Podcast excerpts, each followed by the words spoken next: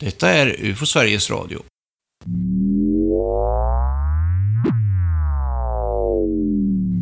Jag heter Tobias Lindgren och idag, den 16 december 2021, sitter vid min sida Claes Svan. Varmt välkommen!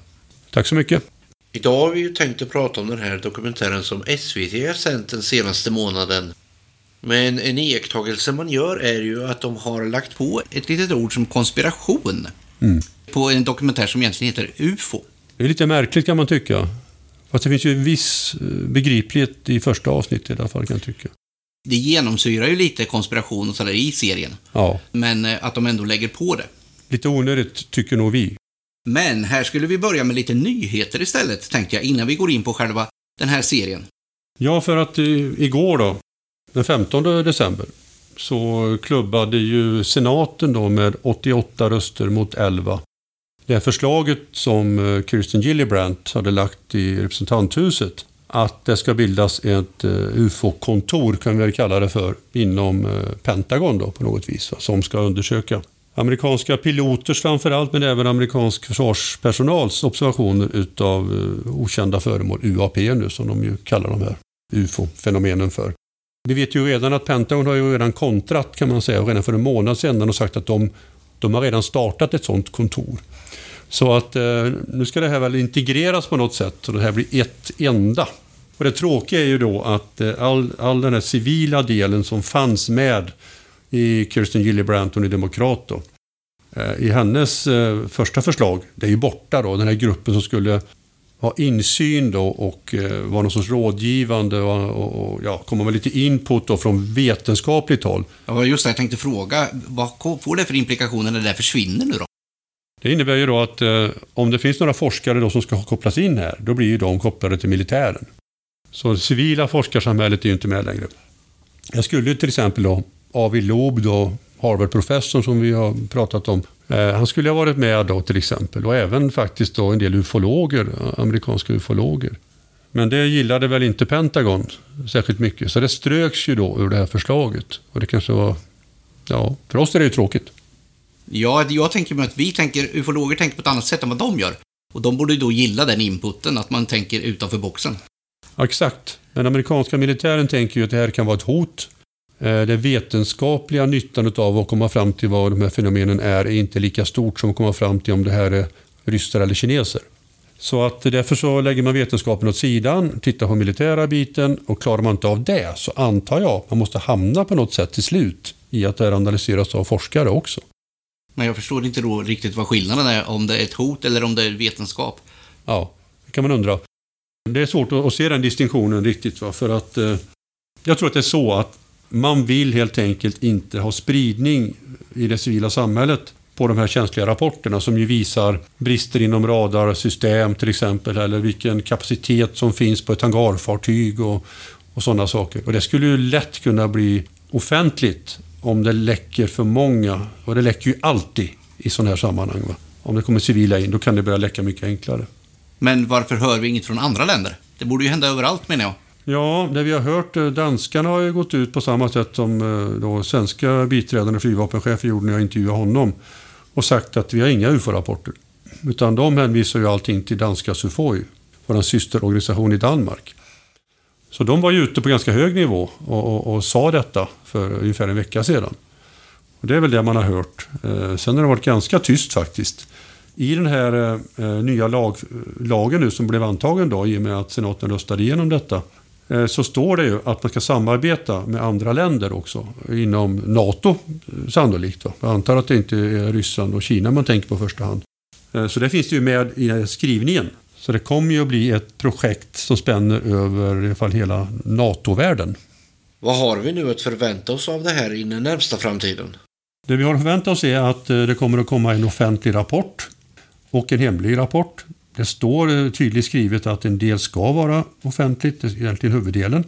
Men man kan ha eh, hemliga bilagor med. Och det är ju bra. Det blir ungefär som det blev då i somras när den här gruppen då som heter UAPTF, alltså UAP Task Force, när den lämnade sin rapport på midsommarafton. Då innehöll den ju väldigt lite offentligt och väldigt lite hemligt visade det sig. Men det blir något liknande antar jag från den här presentationen som kommer då framöver.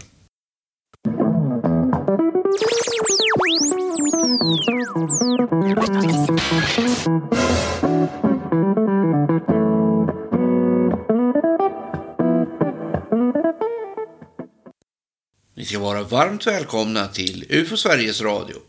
Vi ska i avsnittet försöka förklara och berätta om dokumentären som heter UFO och som många med mig sett, men som på svenska heter Konspiration UFO.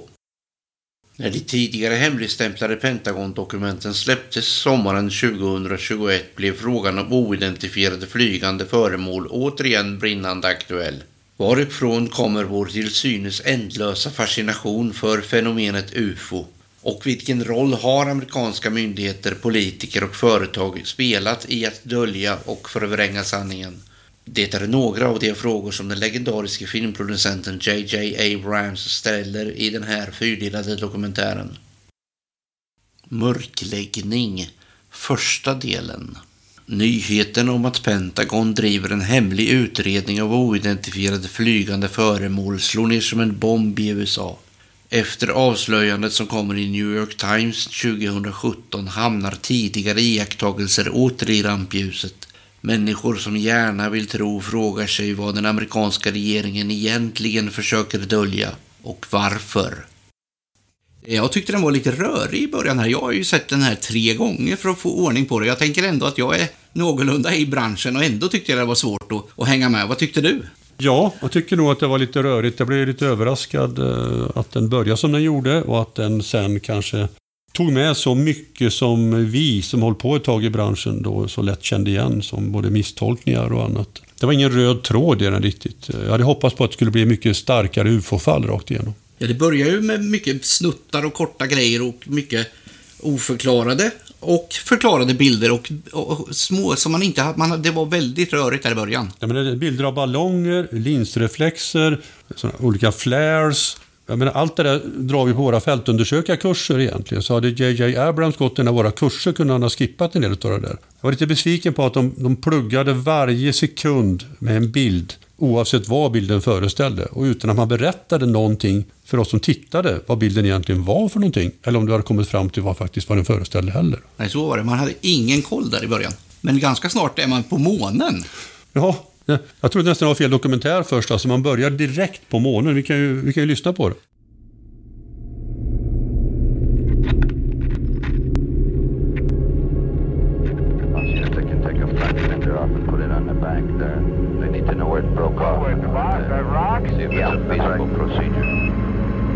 Okay, verify it's our C plus D badge. What are those things going over? What is that, Jack? Hey, something just hit here. What blue? Hey, what is that? Just get flying over the top of our head. Det vi hörde här nu det var ju från Apollo 17 den 17 december 1972. Och det låter ju jättedramatiskt alltså. Vad var det som flög förbi just nu alltså? Vad var det som flög förbi?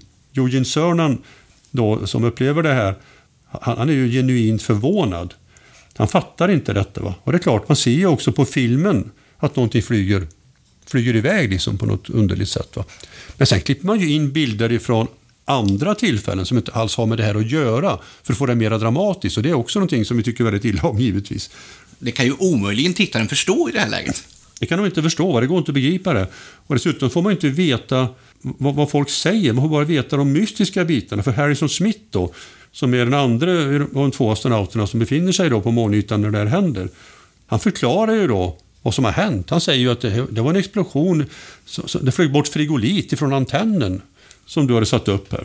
Den hade värmts upp av solen och exploderade då i en skur av vitt och det flög frigolitbitar överallt. Och det säger Harrison Smith då. Förutom det då säger då, eh, här, det sitter ju alltid en Capsule Communicator då, på, på jorden som håller kontakt då med, med astronauterna. Och intill honom sitter också då en astronaut. Och John Young som satt intill den här Bob Parker då, som var Capcom som det heter. Då säger ju John Young då, som hade flugit Apollo 16 att han hade upplevt samma sak. De hade uttryckt sig ungefär på samma sätt. Ja. När de var där. De fattade heller inte vad som hade hänt först, men de förstod ju även de då precis som Harrison Smith gjorde, att, eh, att det var en explosion i den frigoliten. Och detta det väljer man ju helt bort. Alltså. Man gör en mystik utav någonting som inte var det minsta mystiskt. Man kunde åtminstone, kan man tycka då, i slutet av dokumentären ha förklarat vad det där var. Eller kanske intervjuat då någon astronaut som, som faktiskt var med då, som kunde ha berättat om detta. Jag tog ut utskrifter då på hela samtalet och man ser vad de har klippt bort helt enkelt. De har tagit bort allting ifrån den här ljudslingan som kunde förklara vad det var som hände. Så det var tråkigt. Men dyker det upp då den här Jerusalem-filmen då från 28 eh, januari 2011. Den som togs då, sägs det då, i Jerusalem ner mot Klippmoskén. Och då ser man ett föremål som kommer liksom uppifrån och sänker sig ner mot Klippmoskén och så lyser det till och så blir det jättekonstigt. Och så far den ut i himlen igen? Ja. Och det är nästan lite så här, Gud är på besök va? och det är väl det som var tanken också. Men den filmen den avslöjades ju väldigt snabbt. Alltså den var ju ett montage när man, någon plockade isär den där och tittade på den på nätet och publicerade sen att folk var inklippta och så vidare. Och dessutom var det lätt att fatta när man läste tidningarna som vi kollade upp då på den tiden från Jerusalem, från Israel. Det fanns ju inte en rad om det, trots att hela stan måste ha sett detta. Va? Inte en notis, inte en person, inte ett vittne, ingenting. Och det visar man, som att det vore någonting konstigt. Men hela den här dokumentären genomsyras väl av den typen av bilder? Ja, tyvärr alltså. Det, vi kan inte gå in på varje bild. Det skulle nej, nej. verkligen bli slakt utav, utav bilderna i så fall. Det blandas ju bra, spännande bilder med 80-90% skräp egentligen om man ska vara riktigt noga. Första avsnittet heter ju Mörkläggning. En av personerna som kommer ganska tidigt in är ju John Greenwald. Mm. Det är en bra kille verkligen. Han får vara med hela, i alla fyra avsnitten. Han är egentligen en, en röda tråden. Han är spikern i, i hela dokumentären. Och det är en kille som började med ufo-intresset 1996, då var han 15 år. Hans idé har ju då sedan dess varit att begära ut då, genom sån här offentlighetsprincip eh, begäran, så kallad FOIA då, på amerikanska, få ut dokument ifrån myndigheter alla möjligheter han kan tänka sig. För det är miljoner dokument han har fått ut. Det är... Nej, det är hur mycket som helst. Inte miljoner, men det är väldigt många myndigheter som vi inte känner till. Ja, det är det. Mycket inom underrättelsetjänsten och eh, väldigt, väldigt många mina atomenergimyndigheten och sånt som sitter på saker som också är intressanta. Det... Men John Greenwald är ju en sån person så att han begär inte bara ut detta, han publicerar det och gör det tillgängligt för alla. Jag är i kontakt med honom på nätet ganska ofta följer honom på Facebook och så vidare. Och han är ju fantastisk på att dela med sig och fantastiskt snabb att begära ut dokument. Och han publicerar ju verkligen heta grejer. Och var gör han det? Jo, på sin webbsajt som heter Blackwalt. Rekommenderas eh, varmt att, att eh, vända sig dit faktiskt. Jag tog och klämde hans bok här nu som inte kom ut för så länge sedan. Nej, precis. Det var ett par år sedan bara. Jag kommer inte exakt ihåg vad den hette. Den hette någonting med Black Bolt i alla fall. Ja, jag har också klämt den. Jag kommer inte ihåg vad titeln är bara. Nej, men det var väldigt intressant och det förklarar väldigt mycket hur, hur mycket jobb han lägger ner på, på det här med att få ut de här pappren. Och det kan ta tio år innan han får ett papper. Sen får man, får han pappret och då är det helt mörkt. Censurerat? Censurerat, ja. Fullständigt. Väldigt intressant. Men han var ju också tydlig med att han kan få papper från olika myndigheter. Då kan man ju lägga ihop dem och då förstår man ju precis vad som står i papperna. Precis, för de har ingen, ingen synkronicitet, om man säger så. Nej, och det verkar vara olika, olika censureringsperioder. Ja. Ja, just det. kan det också vara. Ja. Det kan vara 10 år på något ställe och 15 på ett annat. Och ja, och olika personer som censurerar olika saker på olika papper. Han är väldigt flitig och ja. eh, fantastisk förebild verkligen för hur man ska jobba i den här branschen och, och dela med sig av uppgifter, vilket inte alla gör. Va? Men det är kul att han är med och att han är röda tråden. På så vis börjar det ju ganska bra där med honom. Ja, det gör det. Sen får inte han kommentera liksom ufo-fallen så mycket. Nej. Så vi tar nästa person som vi ser i bild här. Det är en kvinna då som heter Diana Walsh Pasulka. Jag har läst om henne en del, men jag har aldrig varit i kontakt med henne personligen faktiskt. Men hon är inte ufolog nej, nej, nej, hon är inte ufolog. Alltså man kan säga, det dyker upp väldigt många personer i de här, uh, i de här fyra avsnitten och en av dem är den här Diana Walsh Pasulka. Och, uh, det är personer som kanske folk i gemen inte har hört talas om särskilt mycket och som är ofta inom religionsforskning eller inom historieforskning. De tillför då sina ämneskunskaper egentligen. Många av dem har ingen egentligen ufo-bakgrund eller har satt sig in i heller i ufo-frågan. Men de tittar ju på vittnespsykologi kan man säga, religionspsykologi och varför folk tror på olika saker. Och det finns det ju gott om eh, i, i, i den här eh, serien egentligen och folk som, som verkligen tror på nästan vad som helst. En reporter från The New Yorker då, han säger ju så här att jag tror att vi som folk är beredda att tro på nästan vad som helst, säger han i, i del 1. Och det sätter han ju verkligen finger på någonting som eh, vi kan hålla med om. För det ser man ju då som en genomgående trend i princip att folk är beredda att tro, inte minst J.J. Abrams själv. Sen kommer vi väl en som är något mer känd kvinna, den här eh, Leslie Keane. Ja, Leslie Keane har jag ju kontakt med då och då. Och hon är väl ungefär som, om man skulle jämföra med någon i Sverige så är det med mig egentligen. Hon är journalist och hon är ufo-intresserad och har eh, hållit på med ufo ganska länge. Eh, har Men skrivit utreder böcker. hon ufo-rapporter? Nej, där skiljer sig ju då våra vägar åt. Och hon har aldrig utrett en enda ufo-rapport. Utan hon är en pappersperson då istället. Då. Och, och det kan man tycka vad man vill om. Va? Jag tycker det kanske är lite, lite tråkigt då att eh, många av de här amerikanska, mera kända namnen, de är inga utredare. Utan de har bildat sig en uppfattning och, eh, och hon säger ju också då i, i, i serien att hon, hon ville, när hon publicerade detta då i New York Times i december 2017 ihop med sina kollegor. Eh, hon ville ju få ut det här till allmänheten. Det var hennes idé. Liksom då. Inte liksom att avslöja svaret på ufo-gåtan utan att visa här är ett mysterium. Det lyckades de ju väldigt väl med. Va? Så att, eh, det kan man inte klaga på. Utan Leslie Keane eh, har ju skrivit böcker om eh, både paranormala fenomen och, och annat också. Och lever ju på sitt skrivande givetvis. Det ligger ju inte i henne kanske då först i... Första tanken är ju inte att hon ska avslöja saker utan att det ska bli intressant och spännande. Ska vi fortsätta med en annan person som dyker upp här som heter Harry Reid? Ja, han var en tidigare senator då, en demokrat. Och Harry Reid är väl kanske en av de viktigaste personerna när det gäller det som händer i USA just nu. Om man liksom backar bandet lite och, och, och tittar på hur kommer det sig att den här, de här amerikanska ufo-utredningarna faktiskt kom till stånd? Så kan man säga att Harry Reid är ju den, var orsaken till det i stor utsträckning. Det var ju en man på underrättelsesidan som läste en ufo-bok om Skinwalker Ranch. Och eh, det är ju Robert Bigelows ranch. Och han eh, läste ju att det hände konstiga saker där. Så han åkte dit. Och när han kom dit fick han vara med om en väldigt märklig händelse. Han såg ett lysande föremål inomhus som var mycket, mycket konstigt. Ingen annan såg det, han såg det.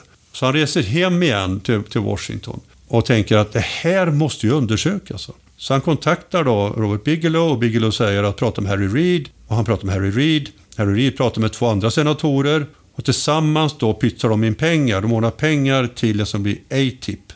Som Louise Elizondo sen kommer att jobba med. Det här är första då, kan man säga, i nutid då, hemliga UFO-programmet.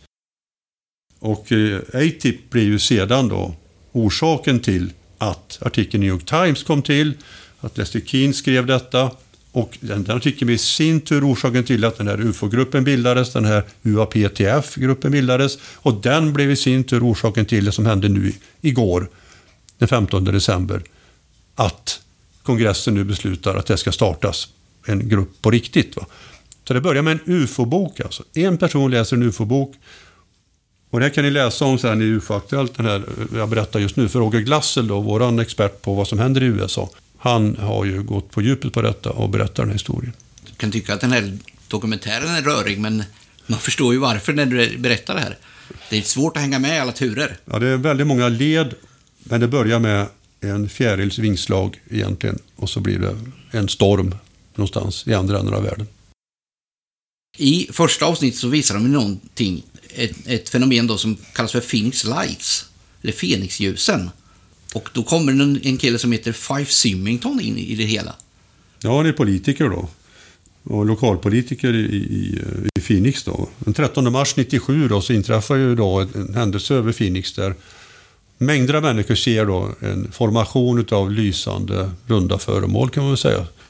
Man ser alltså en, en V-formation över Phoenix. Och det här, den tas ju bilder på, det finns även filmbilder på den. Och folk begriper inte vad detta är. Va? De kontaktar ju då sina myndigheter och eh, Fife eh, Symington då är, är, blir väldigt engagerad i detta. Och försöker då, först så försöker de nog hitta någon förklaring på det. Så att de kontaktar ju då i sin tur den som är Luke Air Force Base då, som är den som ligger närmast och ser om de har haft någonting som flyger och far. Och det har de ju inte då. Va? Och därmed så anser man att eh, mystiken är färdigdiskuterad. Så att då, då har vi en gåta utan något svar. Men det här är något helt separat från det här andra som vi har pratat om. Ja, Så det här är en enskild händelse, de här Phoenix Lights. det är en enskild händelse. Fast det är politiker inblandade. Och det är flera politiker som dyker upp då i, i, i dokumentären. En som lägger ner ganska mycket tid på att försöka intervjua vittnen till exempel. Och hon blir ju snabbt övertygad om att, eh, att det här är någonting, någonting verkligt. Det var det ju. Det var ju någonting, någonting verkligt. Och dokumentären lyfter ju fram Phoenix Light som det största, av de bästa ufo-fallen ever, egentligen. Vad man inte berättar om det är ju att eh, det här fick ju sin förklaring. Alltså. De har ju fått sin förklaring. Det var ju inte Luke Air Force Base. De, var, de, var inte, de gjorde ingenting. Men det var ju andra som tränade i området då, från en annan delstat. Alltså, som eh, utförde försök då med eh, säga, lysbomber, alltså som lysgranater. Och det lustiga var då att eh, 2007, då, tio år efteråt, då, så var ju lokala FOX nyheterna uppe i helikopter och flög. Och då dyker de upp igen. De filmar ju då detta. Och han som är ombord på helikoptern, deras reporter, han såg även de här Fenixljusen 97. Så han säger ju det, det var exakt så här det såg ut. Nu händer samma sak igen. Och nu kollar de upp det va, den här gången. Och då får de fram att det är A10-plan då som har flugit och släppt sådana här lysgranater över Phoenix. Och det hände ju givetvis även 97 då. För det var samma typ av fenomen. Men detta nämner man inte med ett ord i dokumentären. Så det, det är ju det som är det märkliga. Men man nämner inte alls de här alternativa förklaringarna som, som eh, alla bör känna till. Nej, exakt. Man, man berättar halva historien. Ja, det gör man. The Air Force interest in this problem has been due to our feeling of an obligation to identify and analyze to the best of our ability anything in the air that may have the possibility of threat or menace to the United States. Ja, ja. ja men det, är ju, det var ju Washington DC-händelserna som han sitter och pratar om. Ja, man kastar sig tillbaka här till 1952 då, de här rätt så kända händelserna över Washington DC då. Och eh, det finns ju en klassisk eh, presskonferens då, när, när John Sanford sitter och berättar om vad, som, vad de har kommit fram till. Att, de, att det har förekommit då, mängder av observationer över Washington DC under några dagar då, 1952 på sommaren där. Och det där får vi egentligen inte riktigt reda på, var- varför det dyker upp i bilder plötsligt eller vilket sammanhang det ska tänkas i. Det är väl att myndigheterna är inblandade. Och myndigheterna då, att det redan hände för länge sedan. ja, jag tror att det är själva idén är väl det va. Och lite kanske att man vill komma in på att man vill berätta om någonting om Blue Book. Ja, det tror jag. Project Blue Book. För det har väl i samma veva där. Det var i samma veva. Absolut. Då var ju Blue Book väldigt aktivt 1952. Och eh, då kom, dyker ju Allen Hynek upp också. Det verkar lite som att de letar efter en röd tråd som de egentligen inte har. Det, den saknas verkligen i, i alla fall den första delen tycker jag. Man skulle hoppas på att eh, man hade lyft fram de bästa fallen verkligen, inte sådana skakiga fall som Phoenixljusen. De klämmer in även fallet med Val Johnson, en polis där. Ja, precis. Så det hade inget så här tungt fall, utan det är till högen verkligen. Nej, Första avsnittet slutar ju då med det här som hände på Chicagos flygplats O'Hare. Ja, den 7 november 2006 då. Och det är ju en klassisk händelse på många sätt. Det har skrivits väldigt mycket om den och det var ju personal på Härflygplatsen då som såg någonting som var som man säger en diskus bland molnen eller under molnen precis. Det finns ju någon väldigt dålig bild på det där som också visas i dokumentären där man verkligen inte ser alls speciellt bra. Ytterst suddigt. Och man får inte förklara vem som har tagit den heller riktigt och sådär. Och det är några vittnesmål och det är ingen tvekan om att folk såg det här. Men trots allt var det väldigt få som såg det med tanke på att det är en flygplats, eh, en av världens största flygplatser och väldigt stor trafik där. Att inte fler piloter rapporterade detta till exempel. Det är lite konstigt då. Förklaringen då ska ju vara att det var ett sånt här molnhål då. Som jag har skrivit om i en av mina naturfenomenböcker. Så punch clouds då, som de kallas på engelska. Att det blir som stämplat ett hål i molnen nu när kristallerna, iskristallerna plötsligt faller till marken. Och det kan då ha hänt just för att flygplan har passerat nära och påverkat de här iskristallerna. Så de finns ju på riktigt de här molnhålen och ser väldigt konstiga ut. Nu kan inte jag avgöra om det här var ett molnhål eller inte, men det är ändå så det har förklarats då för någon som menar att det här inte var ett flygande tefat. Men de fotograferade efteråt själva hålet i molnen. Det Ja. finns på bild. Det finns på bild. Men återigen, de, de, de låter oss inte se båda sidorna riktigt på ett schysst sätt tycker jag. Tyvärr, de är lite snabba där. Intressant ändå, det är John Greenwald igen. Han kommer igen på slutet då och berättar om att man har upptäckt då att, att UFO-rapporter skickas till Vita huset och till NORAD, alltså den eh, amerikanska övervakningen av, av hela, hela himlen. Allt som händer från satellithöjd och ner kan man säga till marknivå nästan. När man, man skickar rapporter till dem, då kan man inte begära ut dem med offentlighetsprincipen. Nej, det är ju väldigt lägligt, säger ju han där. Så det är ju jättesmart va. Vill man dölja någonting så skickar man det den vägen. Det var egentligen den grej som jag studsade lite på, som jag inte hade klart för mig. efter att ha sett den här första dokumentärdelen. Sen slutar den ju då med, med Nimitz-händelsen då. I november 2004. Den här klassiska då, hangarfartyget USS Nimitz. Och det som sedan händer där, men det, det kommer ju då i nästa del egentligen. Och för att inte göra det här allt för långt så hoppar vi väl över till vittnesmål som är andra delen. När trovärdiga vittnen som militära stridspiloter träder fram blir frågan allt svårare att ignorera och pressen på USAs ledare att agera växer. Inflytelserika ufo-intresserade personer som miljardären Robert Bigelow bidrar till att frågan flyttar in i finrummen. Men det som händer i början på det här andra avsnittet är att det kommer en kille som heter George Knapp. Honom har vi hört talas om ganska mycket förut. Ja, ja det, jag var nära, nära att träffa honom i Brasilien för några år sedan. Han skulle vara där och hålla föredrag samtidigt som jag, men han kom inte med på planet. Det var något strul. Så att eh, det tycker jag var jättetråkigt. Jag hade gärna velat eh, prata med, med Knapp för att eh, han var ju den som gjorde Bob Lazar berömd en gång i tiden. Det var ju han som gjorde den första intervjun med, med honom. Och han jobbade som journalist i Las Vegas. Han är intressant. Va? Han säger till exempel att ufo-världen är tokig, säger han då under det här. Det är ju sant. Va? Samtidigt så eh, bidrar han kanske delvis till att den är så tokig som den är. Då. Men han är, han är ändå spännande att lyssna på. Så att det ska man göra tycker jag. Han vet ju ändå en hel del. Han har fått loss en hel del dokument genom åren. Han har intervjuat väldigt många intressanta personer. Men han är ju ändå en drivande troende mer än undersökare. Näp tyvärr. Va? Ja, för han kom inte in i det här och någon, någon ufo-intresse på det viset, som vi. Nej, det har han ju inte gjort, utan han kom in genom sin journalistik. Va? Och när han, när han pratar, då visar man upp dokument som inte hör ihop med det han säger heller. Det är sådär att man blandar in saker som inte hör till det programmet handlar om just då. Ofta visar man ju bilder som inte hör samman med det som pratas om och även dokument då tyvärr. Och det, det är riktigt trist tycker jag. Billy Meyer till exempel dyker ju upp och då undrar man, vad i hela fridens namn? Billy Meyer han är, han är 85 år nästa år. Alltså. Och det är ju en, en av världens mest kända kontaktpersoner som har tagit hundratals bilder utav vad han säger i Flygande tefat. Det är de, bästa, det är de bästa bilderna i världen. Och det är det. Tveklöst. Ja, de är ju alldeles för bra för att vara sanna. Ja, och, menar, och Wendell Stevens då, vars arkiv AFU, där vi sitter nu då, har en stor del utav. Wendell Stevens var en amerikansk ufolog. Han menar ju då att CIA visste att eh, Billy Meyers bilder var äkta. Men man ville försöka då eh, dölja detta genom att eh, diskreditera Billy Meyer. Och jag har ju sett mycket av hans bilder, jag har ju buntar av dem hemma. Och det finns ju bilder där som jag känner igen från en bok jag har om forntida djur, urtidsdjur. Som han har plåtat rakt ur boken bara, Billy Meyer, men påstår att han har gjort en tidsresa tillbaka till dinosauriernas epok för 65 miljoner år sedan. Och då mött dinosaurier. Nu var det väldigt lätt att bevisa att det inte är så. Och det finns ju bilder på en av hans mest kända då, kontakter, Asket. Semjase och Asket var ju de två kvinnor då, som han, han träffade. Och Asket har ju visat sig vara en, en tysk eh, fotomodell. Men han har ju ändå hävdat då att Asket är en utomjordisk kontakt. Då. Så att Billy Meyers bilder, när de dyker upp i den här dokumentären, då känner man ju då att eh, okej, okay, varför då? Det är mest för att de är snygga och väldigt eh, bildmässiga. Det känns som att eh, Abrams har anlitat en bildbyrå och köpt de bilderna han kom över och så har han kört in dem i, dokumentären utan vidare eftertanke.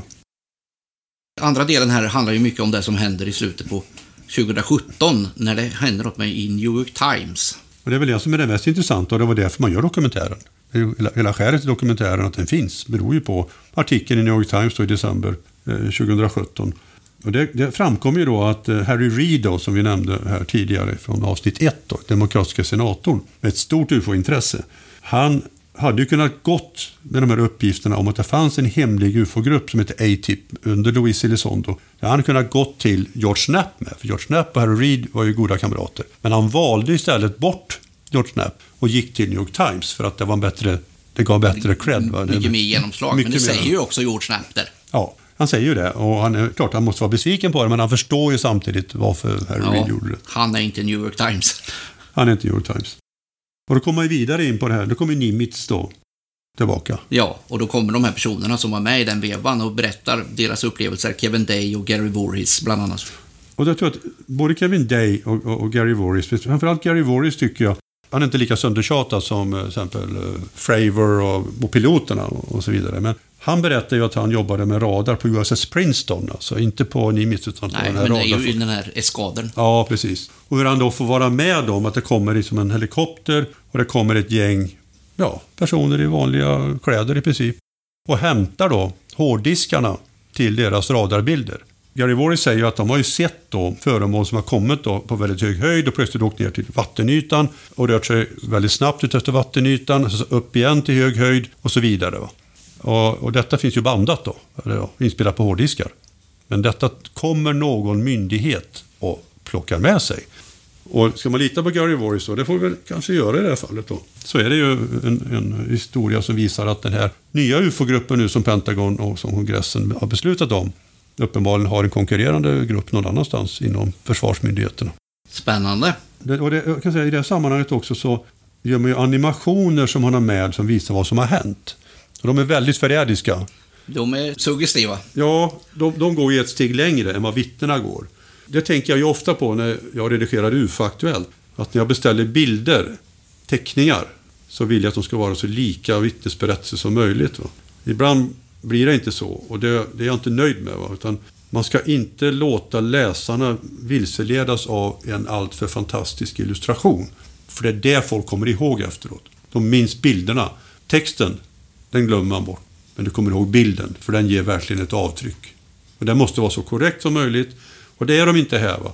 De här animationerna är inte så korrekta, utan de blir då vilseledande, tyvärr. Vidare i det här avsnittet så kommer vi till en man då som heter Robert Bigelow. Som får ett stort utrymme. Ja, och det kan man säga med, med all rätt då. Eh, Som vi berättade om avsnitt ett då, så ägde ju då Robert Bigelow den här Skinwalker Ranch då, som den här mannen från underrättelsetjänsten reste till och fick vara med om den här konstiga observationen som sen, så ringa på vattnet, var den direkta orsaken till att vi nu sitter med en UFO-byrå beslutad i USA och där myndigheterna då tar det här på största allvar. Så, och Bigelow är ju då en eh, miljonär, miljardär skulle jag nog säga att han är, som driver ett eget rymdföretag då, Bigelow Heter de Aerospace. Han har gått och slantar va, så han kan göra lite kul saker för de pengarna. Och han kom ju på till exempel att han skulle använda en del av de här pengarna till att koppla in MUFON, amerikanska UFO-gruppen MUFON. Och eh, anlita dem, ge dem en hög pengar och låta dem då förse hans grupp som jobbade åt ATIP, åt Luis Elizondo, med att undersöka UFO-fall.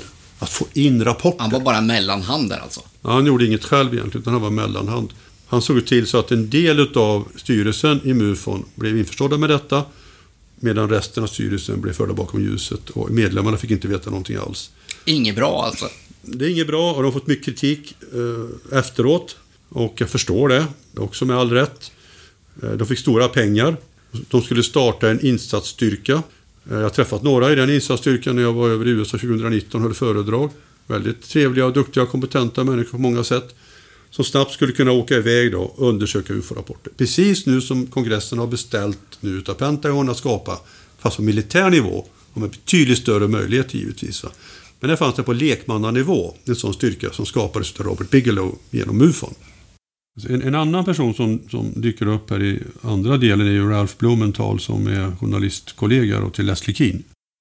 Och som var en av de författarna då till den första artikeln i New York Times då, som handlade om hemliga gruppen då, ATIP. Gruppen då som Luis Elizondo var inblandad i. Men han sitter ju då och, och nämner en eh, annan händelse vid sidan av Nimitz från USS eh, Theodore Roosevelt som hände 2015.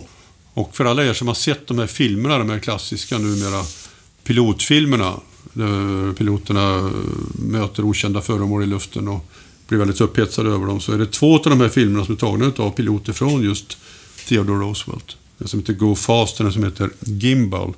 De två filmerna kommer ju därifrån. Och det berättar ju Ralph Blumenthal om en del. Och det är ju intressant. Det är absolut intressant. Och det är bra att de lyfter upp de här pilotobservationerna. Det de inte berättar så mycket om det är ju att eh, de här händelserna började då när man hade börjat införa ett nytt radarsystem i amerikanska försvaret. Och vad det kan ha inneburit, om det innebar till exempel då att det blev fler radaränglar, alltså problem, eller att de helt enkelt såg saker med dem som de aldrig kunde se förut, på riktigt. Det är ju den stora frågan egentligen. Varför allt detta nu? Och då kan ju den gemensamma nämnaren vara de här radaranläggningarna som var nya och, och fräscha och tipptopp och helt ny teknik. Att det gjorde att det gick att se saker som förut inte gick att observera. Och att Ledi då, de som eventuellt flyger över USA här, inte fattade att de plötsligt var upptäckta. Synliga, Nej. Det är spännande, det hade jag velat höra mycket mer om. Men det lämnar de oss lite i sticket då. Ja, för där övergår det till del 3, rökridåer. Medan somliga jublar över regeringens till synes nya allvar kring ufo-frågan höjs också andra röster, ifrågasättande röster, röster som hävdar att det istället kan röra sig om en välplanerad desinformationskampanj i ett försök från den amerikanska regeringen att dölja vetskapen om utomjordiskt liv. Eller är ufo-diskussionen i själva verket ett försök att undanhålla något helt annat? Ja, i början av den här tredje delen så får vi se en person som går in i en hiss. Det är lite spännande där, men ganska snart får vi veta att han tillhör MUFON, eller möjligen har gjort det, och han heter James Carrion. Men som hela tiden så slänger de in något annat precis i början. Först får man se en film på en, en ballong filmad i dagsljus. Uppenbarligen är en ballong. Varför man visar den är en gåta. Men det är återigen en av de här bilderna då, som bara slängs in utan något sammanhang och som i många fall har en förklaring. Va? Det är lite tråkigt. Men James Carrion blir ju på något sätt den första skeptikern som dyker upp i programmet. Och James Carrion säger att eh, jag vill veta sanningen. Men att de flesta bara vill att mysteriet ska leva vidare.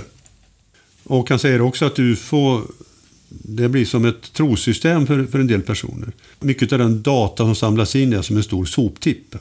Så han, han, han vevar ju rätt ordentligt. Det kan man ju lugnt säga. Han är ganska kritisk och hård. Han var ju då ordförande för MUFON som ändå är den mest ET-inriktade och största organisationen i världen men som har ett tydligt ET-spår. Va? Den var ju ändå chef över under ett antal Men var, år. han- var han inne på ET-spåret själv? Nej, det var han ju inte då. Va? Och han fick ju också lämna gruppen efter ett par år bara. Va?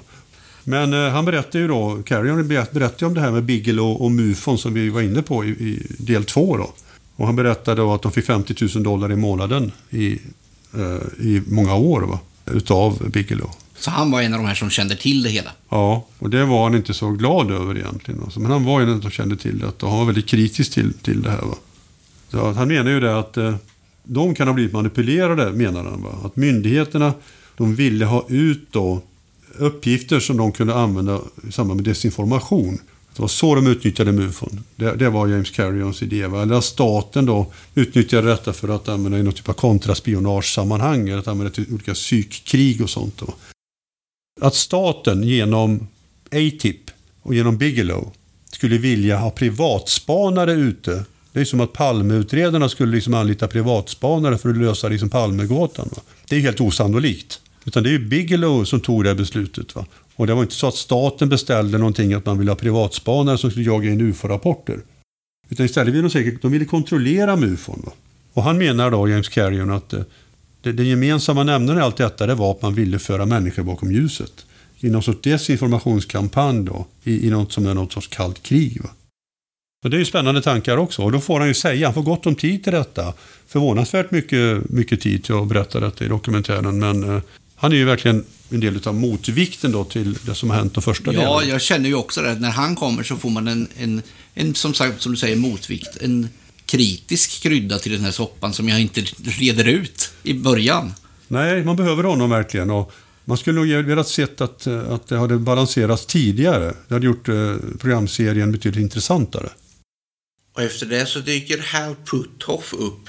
Ja, Hal Puthoff är ju en, en person som var mycket nära kopplad till Uri Geller en gång i tiden. Va? Och eh, som testade Uri Geller och som trodde stenhårt på, på att eh, uh, denne israeliske magiker då hade översinnliga egenskaper. Det nämns ju inte särskilt mycket om sånt. Va? Men han har ju den bakgrunden. Hal Puthoff är också en forskare från Stanford. Och eh, kom sen att bli inblandad när Tom DeLong skapade Tour de Stars Academy och kopplade Louis Elizondo till sig och Hal Puttoff och en del andra personer som Jim Semivan, en tidigare CIA-agent som har varit på besök här på arkivet faktiskt. Och eh, det blev en grupp då med rätt många myndighetspersoner, ganska tunga namn då i den här världen.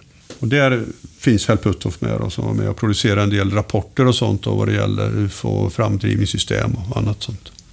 Ja, nu är det väl läge att vi utvecklar den här förkortningen TTS då. Ja, det kan vi väl göra. TTSA då, To the Stars Academy. Det var ju Tom DeLong då, en musiker då som eh, rik, mycket pengar över. Slutade med musiken, satsade pengarna på sitt intresse. Som i det här fallet då råkade vara UFO. Och eh, Tour de Stars Academy de skulle ju då eh, försöka samla in då eh, föremål då, som var kopplade till farkoster helt enkelt.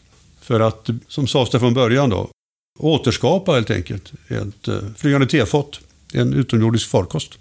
Man sålde ju eh, aktier då till folk som pytsade in pengar och man drev detta då som någon sorts företag.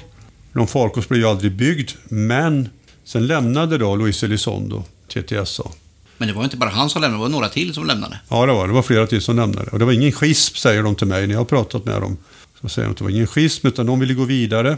Och eh, Elizondo framförallt, han tog ju vidare det här med då de här exotiska materialen. Ville få dem helt enkelt analyserade och bekräftade att de innehöll då signaturer helt enkelt som inte finns på jorden. Och där är ju, ligger ju bollen fortfarande. Va? Det publicerades bara för någon vecka sedan då en första rapport om detta som Jacques Vallée och en professor som heter Gary Nolan har skrivit, plus ytterligare några. Men är de involverade i TTSA? Eh, nej, för nu har det här knoppats av från TTSA en helt egen entitet där som Louise Elizondo driver. TTSA har blivit en underhållningsorganisation som producerar nu filmer i ufo-branschen kan man säga. Och lite Det är inte de som vi har sett där Elizondo åker världen runt och pratar UFO. Nej, det är det inte. Det är inte de. De har producerats utanför TTSA. Det, lite lustigt blir det ju då. att- Det är inte lätt att hänga med i svängarna här. Nej, det är inte lätt att göra det. Va? Utan den röda tråden i det här fallet det är Louise Elizondo då, som har hoppat då från A-tip då till TTSA och till egen företagsverksamhet nu. Och nu ska de analysera då, nu håller de på och analyserar. Och där är faktiskt TTSA med på törn fortfarande då. Material från Linda Moulton Howe, en eh, amerikansk ufolog, som sålde då en bit exotiskt material för 30 000 dollar till TTSA. Så där hamnade då de pengarna som folk satsade på sina aktier kan man säga. En stor del av att köpa in då Linda Moulton House lilla bit. Och den håller på att analyseras nu utav armén i USA.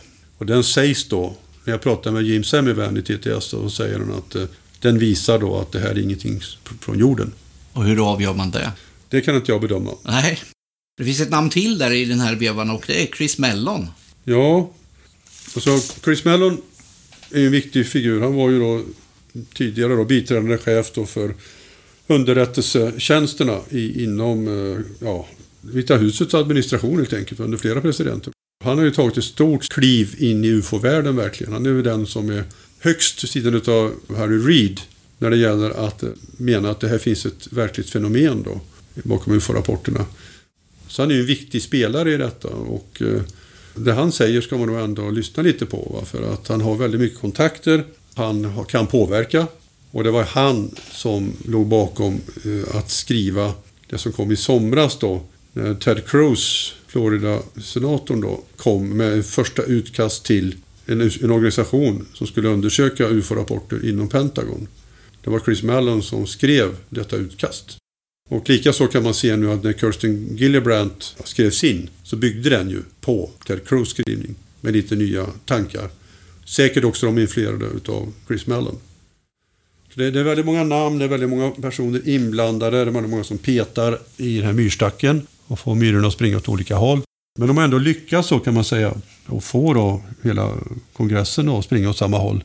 Nu ligger det här på presidentens bord och ska godkännas också. Det är alltid så. Och vad, vad Joe Biden säger om det här vet vi ju inte än. Den här lilla biten som utgör det nya UFO-kontoret är ju en försvinnande liten del av den stora försvarsbudgeten som det här hänger ihop med. Så det blir nog godkänt.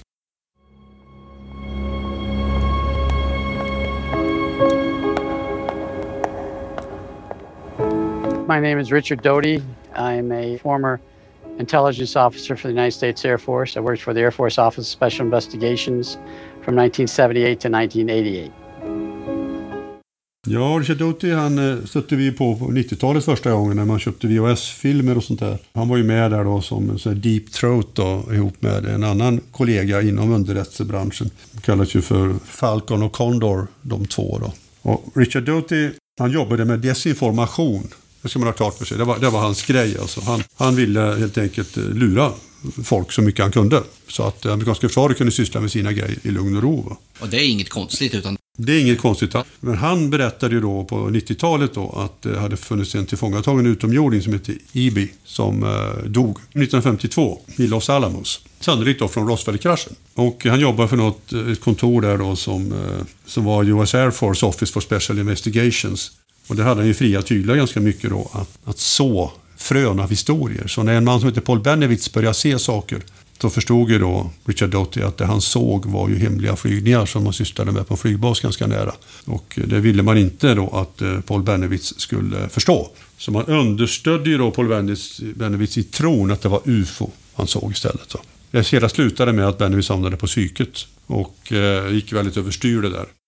Så Richard Doty då som sitter där som någon sanningsvittne nu är ju inte någon person så där som man känner att man ska lita på allt han säger. Va? För han, han berättar ju ändå om att att den här Bennevitz-operationen då, den var ju han som ledde. Och den gick ut på då att det man gjorde det var att man sköt laserstrålar mot ryska satelliter. Det var det som Bennevitz såg, plus att han såg en del flygningar då i området som han heller inte skulle se. Och det var superhemligt verkligen. fick inte ryssarna veta.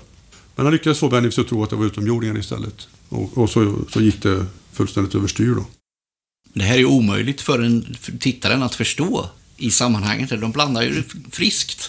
Man vet ju ingenting om de här personerna som en vanlig tittare. Alltså. Det, det, vet man inte. Va? Det dyker upp folk som man aldrig hört talas om. Va? Kate Dorsch är en annan som dyker upp. Hon är historiker och, och, och sitter och pratar och så kommer det plötsligt då bilder till hennes berättelse som inte alls har med berättelsen att göra. Hon eh, pratar om eh Barney och Betty Hill-fallet och säger att det inträffade på 50-talet. Det gjorde det inte alls. Hon visar liksom inte någon större kunskap. Ändå är hon någon sorts expert då. Och man klipper inte ens bort då hennes felaktigheter.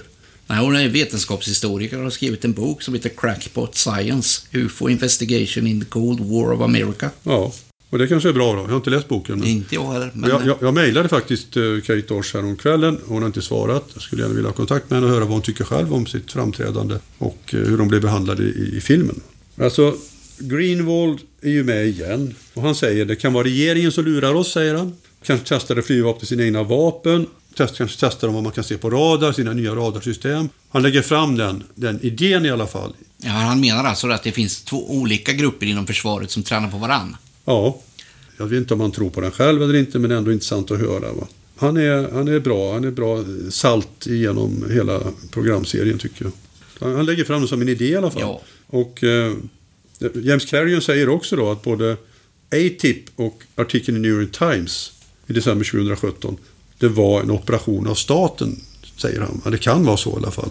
Att man ville ha detta. Att det inte är en slump det som händer nu, utan alla personerna som nu drar i alla de här trådarna, de har influerats på olika sätt utav någon sån där black ops, alltså någon större...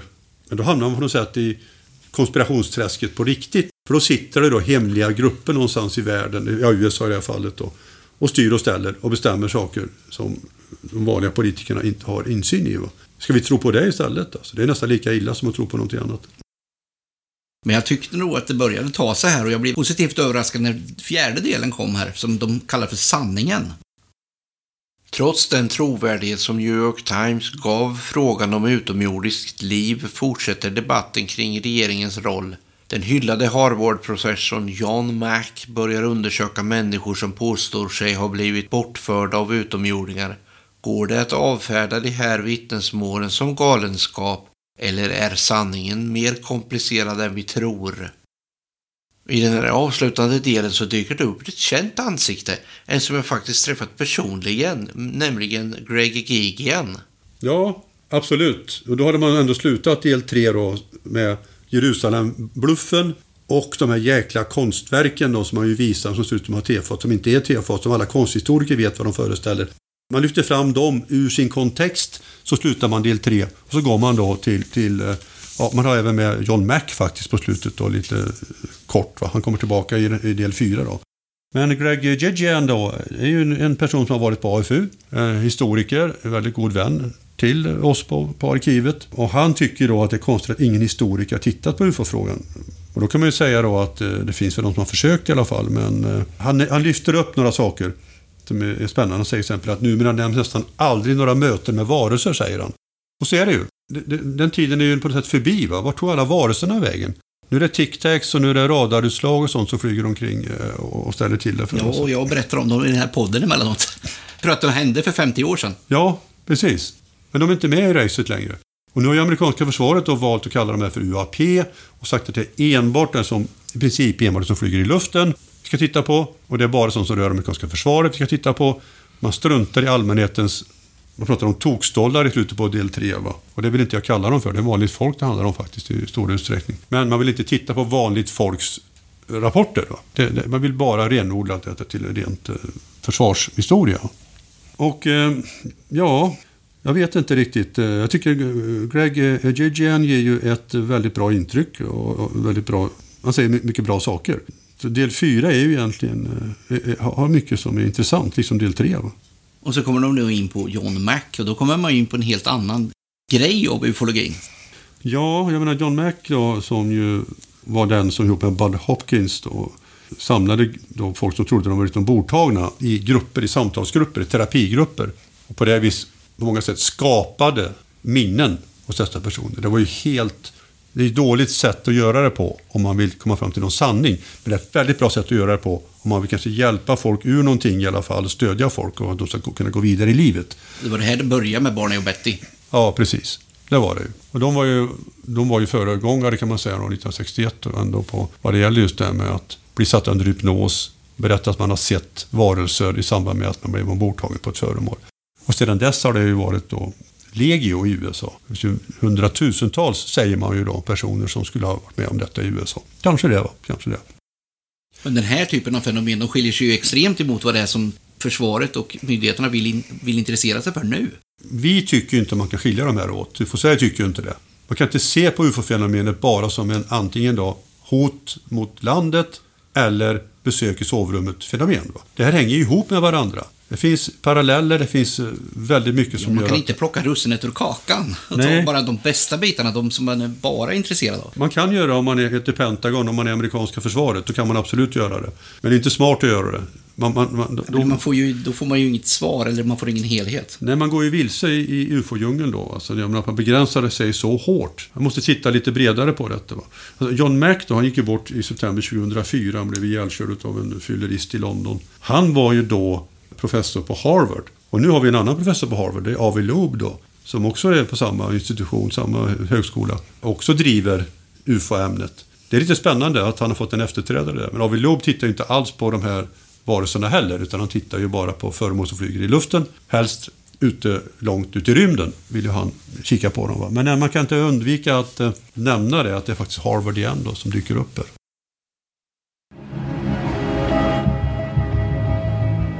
Thing that defines the UFO is this elusiveness, right? There's a French sociologist who makes a really good point about UFOs. The thing that makes UFOs so interesting isn't that they appear, it's that they disappear. The thing that's frustrating for so many is the very key to why it's so mesmerizing. It's the disappearance. Låt oss höra några ytterligare ord från den fjärde delen och Greg Gigian. The thing about the UFO phenomenon is it's just not a phenomenon. It, it has always been shrouded in mystery. There are people who view this stuff as a puzzle that can be solved. We just need to put the pieces together. And then there are people who see these as mysteries, and mysteries are never solved. I think that's what John Mack felt. It was a mystery that was just going to constantly be there because what we do as human beings is work through that. Ja, hur knyter vi ihop det här då? Vad är grundidén för den här serien? Det är nog att visa att myndigheterna vet betydligt mer om det här än vad vi vet och att eh, det händer jättekonstiga saker. Och det lyckas man ju med. Om man inte vet någonting om de här filmerna och, och sånt som visas, då blir man ju ganska snabbt övertygad om att det är ju ett jätteknepigt fenomen. Och det är det ju, men inte på de premisserna som ferien ger oss egentligen. Va? För det är ett, ett fenomen som är värt att ta på allvar. Det händer saker som är oförklarliga just nu, men eh, de kan bli förklarade i framtiden. Och tittar man på det på rätt sätt så ser man ju också då att myndigheterna är ju intresserade av detta i USA på ett sätt som de aldrig har varit tidigare. De har ju tvingats till det kan man säga genom den här långa kedjan som vi nämnde tidigare. Va? Och det är många spelare, ser man ju tack vare dokumentären, många spelare med där och petar i detta som gör att eh, man undrar egentligen, är det någon ännu högre upp i den här hierarkin som är med och, och ser till så att de här människorna agerar som de gör? Vilket låter väldigt konspiratoriskt igen då. Men alla har ju en chef. så. Men det, det, är inte ett sätt för producenterna att rida på vågen och göra pengar? Alltså det, jag tror inte det ändå. Jag tror att, eh, att Abrahams eh, i sig då, som har gjort både Star Trek och Star Wars och eh, Lost är genuint intresserad av de här utomjordiska fenomenen. Eh, helt klart att han är det. Va? Sen är det givet att, att pengar i detta, men... Ja, det ser man ju att det, det genomsyrar hela, hela serien genomsyras ju av ET-hypotesen. Ja, och Hopkins är ju med i, i uh, TL4 där och, och berättar varför han tror att det är ET som ligger bakom detta till exempel. Och uh, man sitter med ett stort frågetecken efter att ha sett serien. Jag tycker den hade förtjänat betydligt bättre. Man kunde ha gjort detta på ett betydligt bättre sätt. För det finns ju ändå en, en, en röd tråd här som de tappar bort lite. Politikerna i USA, varför är de plötsligt intresserade nu? Man intervjuar ju väldigt få politiker överhuvudtaget då, om detta. Jag hade velat höra dem också. Ja. Så vad handlar den här serien egentligen om då? Det handlar ju inte om UFO direkt. Nej, det handlar om politik, det handlar om försvaret eh, framför allt. Och eh, jag hade gärna velat se lite ordentliga fältundersökningar, att man hade gått på djupet på en del av de här fallen till exempel. Men det gör man inte. Så det handlar väl om att underhålla oss och att kratta gången inför eh, nya upptäckter, nya rön och vad som händer i USA. De som har läst undertexterna här ser också att eh, i Sverige har vi översatt saker till utomjordisk ofta när de egentligen inte menar utomjordisk. De säger otherworldly och de säger out of this world och så vidare. Ja. Varför översätter man det till utomjordisk? Det är ju inte andemeningen egentligen. Nej, det är väl lite simpelt att göra. Det gick väl kanske lite fort där också med översättningarna. Serien produceras ju under rätt kort tid, det förstår man ju. För det är Den är ju väldigt ny, ja. även om inte det allra sista hunnit med. Nej, men färskt är det ju. Sista frågan då, är det här bra? Jag kan nästan inte svara på det. Det är bra underhållning som så ofta då. Men det är TV och det är underhållning. Vill man veta någonting om, om UFO-fenomenet så lär man sig ju ingenting eh, genom serien.